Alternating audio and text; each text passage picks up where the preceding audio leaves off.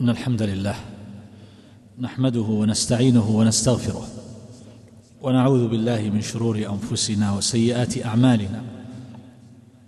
من يهده الله فلا مضل له ومن يضلل فلا هادي له وأشهد أن لا إله إلا الله وحده لا شريك له وأشهد أن محمدا عبده ورسوله صلى الله وسلم وبارك عليه وعلى آله وصحبه أجمعين.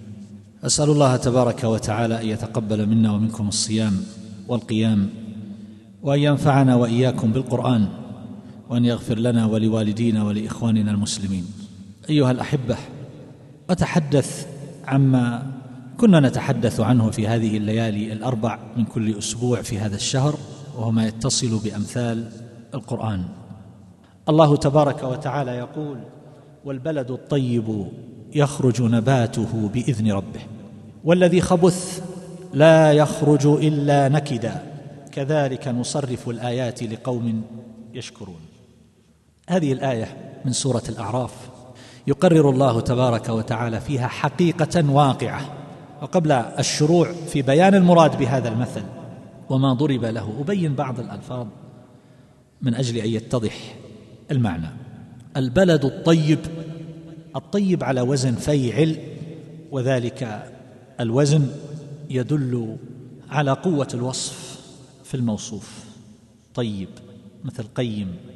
فالبلد الطيب هو المتصف بالطيب. وطيب الأرض ما هو؟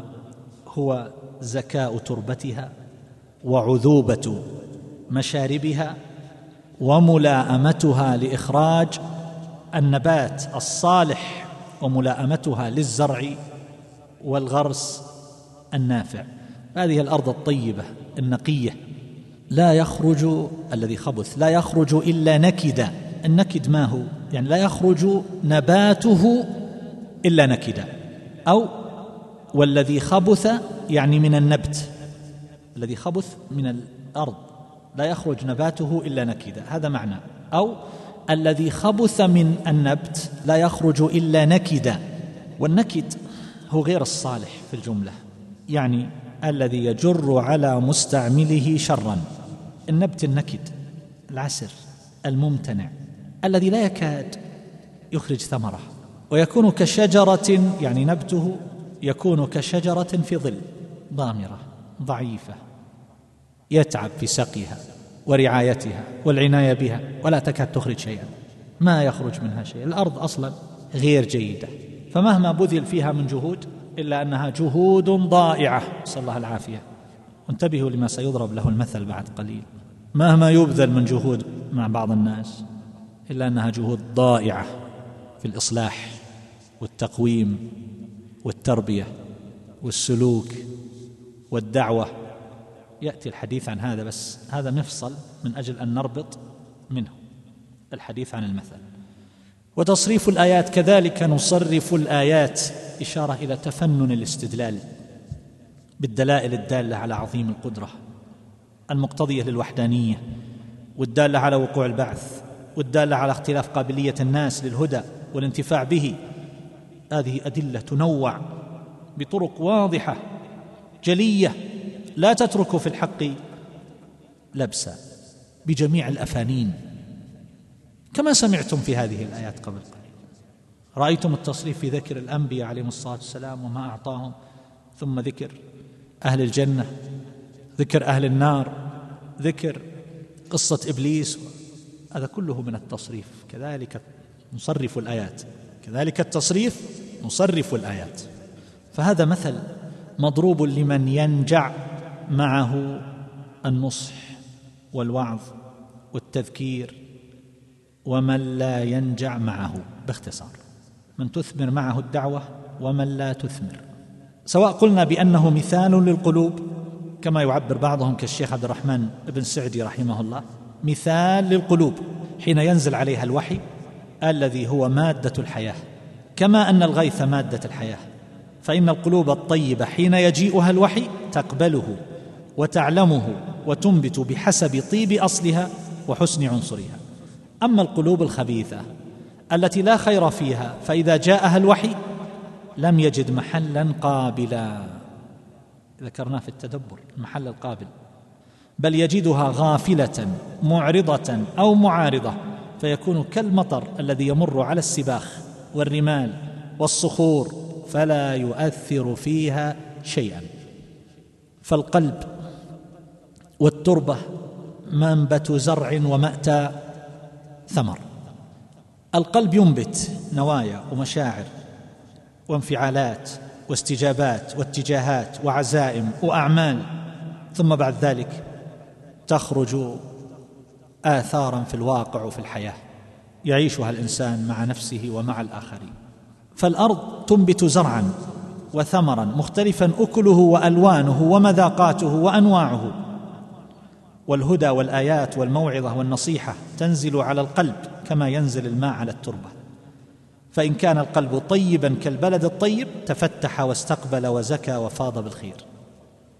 وإن كان فاسدا كالذي خبث من البلاد والأماكن استغلق وقسى وفاض بالشر والفساد والضر وأخرج الشوك والأذى كما تخرج الأرض النكدة. أرض النكده تخرج أشواك ونباتات ضارة. والحافظ ابن القيم رحمه الله يعبر عن هذا المثل ويشرحه بأن الله تبارك وتعالى شبه الوحي الذي أنزله من السماء على القلوب بالماء الذي أنزله على الأرض بحصول الحياة بهذا وهذا وشبه القلوب بالأرض إذ هي محل الأعمال كما أن الأرض محل النبات. وأن القلب الذي لا ينتفع بالوحي ولا يزكو عليه ولا يؤمن به كالأرض التي لا تنتفع بالمطر ولا تخرج نباتها به إلا قليلا لا ينفع. وأن القلب الذي آمن بالوحي وزكى عليه وعمل بما فيه كالأرض التي أخرجت نباتها بالمطر. فالمؤمن إذا سمع القرآن وعقله وتدبره بان أثره عليه فشبه بالبلد الطيب الذي يخصب ويحسن أثر المطر عليه فينبت من كل زوج كريم. والمعرض عن الوحي نسال الله العافية. بعكس ذلك. وهذا مصداق الحديث الثابت عن النبي صلى الله عليه وسلم. مثل ما بعثني الله به من الهدى والعلم كمثل الغيث الكثير. أصاب أرضا فكان منها نقية قبلت الماء فأنبتت الكلا والعشب الكثير. وكانت منها أجادب أمسكت الماء فنفع بها الناس. فشربوا وسقوا وزرعوا وأصاب طائفة أخرى. إنما هي قيعان. لا تمسك ماء ولا تنبت كلأ. فذلك مثل من فقه في دين الله ونفعه ما بعثني الله به فعلم وعلم.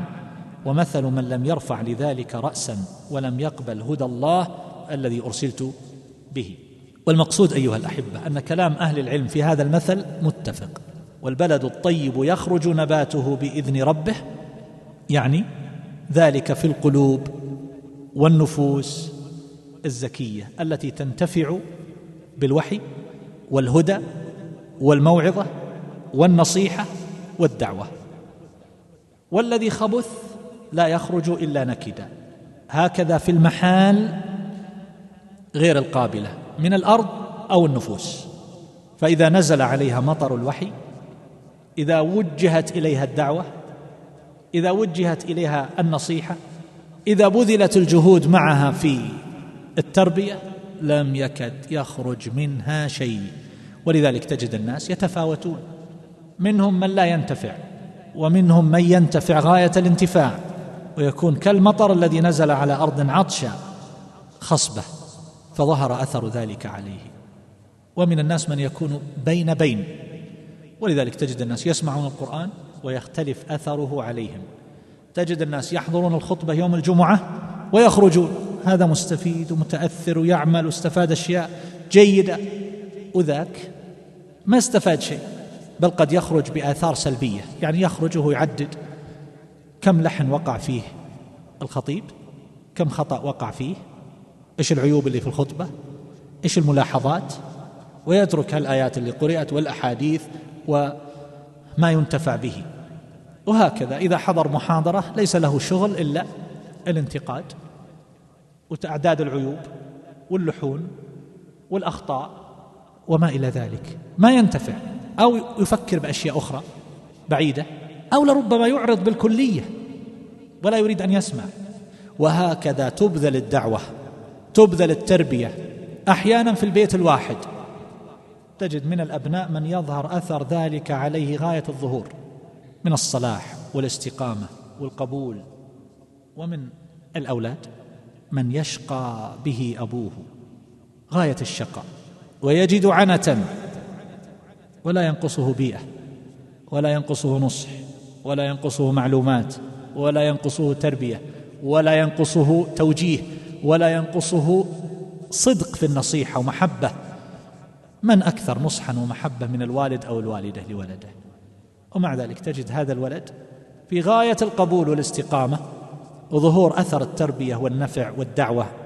وهذا الولد في غاية الشقاوة لا يخرج إلا نكدا. يعيي أهله بسوءه صلى الله عليه وسلم. هذا موجود في البيت الواحد. ولد نوح عليه الصلاة والسلام. إنه ليس من أهلك إنه عمل غير صالح. كله سماه عمل جعله عمل. صلى الله العافية. عمل غير صالح. ما قال ولد غير صالح عمل غير صالح. وانظر في زوجة نوح عليه الصلاة والسلام وزوجة لوط. معه في البيت. نبي. من أحسن أخلاق من النبي. من أحسن توجيه من النبي. من أحسن نصح وصدق من النبي. من أحسن قدوة من النبي. ما فيه. النبي ناجح بكل المقاييس. مؤيد بالوحي. ومع ذلك ما انتفع أقرب الناس. لماذا؟ لأن المحل القابل معدوم غير موجود. هذا هو السبب. والذي خبث لا يخرج إلا نكدا. إنسان رباه أعداء الإسلام على مذاهبهم المنحرفة من الليبرالية وغيرها. إيش تنتظر منه إلا سب العلماء؟ التشكيك بثوابت الدين. وإذا أخذ القلم بدأ يتقيأ قيح وصديد وكتاباته سموم. في الطعن في الإسلام والثلب واللمز والغمز والهمز والتشكيك بدين الله عز وجل. ماذا تنتظر منه؟ إلا هذا والذي خبث لا يخرج إلا نكدة ولهذا هذا إذا كتب كتابة جيدة أحيانا تستغرب تقول ما شاء الله غريبة غريبة عليه يستكثر عليه إنه يتكلم بكلام جيد يدافع عن الإسلام وعن ثوابت الدين وعن الدعاة إلى الله وعن العلماء ويثني عليهم ويذب عن أعراض لو كتب هذا كان غريبة إيش اللي حاصل؟ شيء غير طبيعي اليوم يمكن بالخطأ يمكن ما هي له أحد كتب يعني باسمه ولا ليه؟ لأنه والذي خبث لا يخرج إلا نكد إيش تنتظر منه؟ هان على الله عز وجل فأهانه وأنساه نفسه فاشتغل بما يضره ويجلب عليه الشقاء والتعاسة والوزر عند الله تبارك وتعالى حينما يصد الناس عن دينه. وقل مثل ذلك في سلوك الناس. الانسان الذي تربى البعيد في الشوارع تربية شوارع إيش تنتظر منه إلا الشتم والسب واللمز والهمز والانسان تربى على الحقد وسوء الظن والحسد والغل بيئة موبوءة. ربي على هذا كل شيء عندهم سوء ظن وكل شيء عندهم حسد. وإذا أعطاهم أحد هدية ولا كذا أكيد لي لسبب. إذا فيه كذا والذي خبث لا يخرج إلا نكذا إيش تتوقع من هذا إلا أنه يطلع في النهاية؟ غالبا إلا إذا الله عز وجل انتشله. إلا أنه يطلع. يسيء الظن بالناس ويقع في أعراضهم ويحسدهم على ما أعطاهم الله عز وجل ووهبهم. فتجد الناس في بيئة واحدة في محضن تربوي واحد. هذا ما شاء الله عنده من سلامة الصدر ومحبة الخير للناس والوان الأخلاق الفاضلة والكلام الجميل الطيب الذي يستهوي القلوب. وآخر إذا جلست تقول اللهم حوالينا ولا علينا. إنسان مثل المنشار. لا يأتيك من شيء لا في جد ولا في مزح. يجرح إلى العظم. عباراته جارحة يرسل من هنا وهنا وبطريقة أحيانا يعني احترافية. هذا موجود.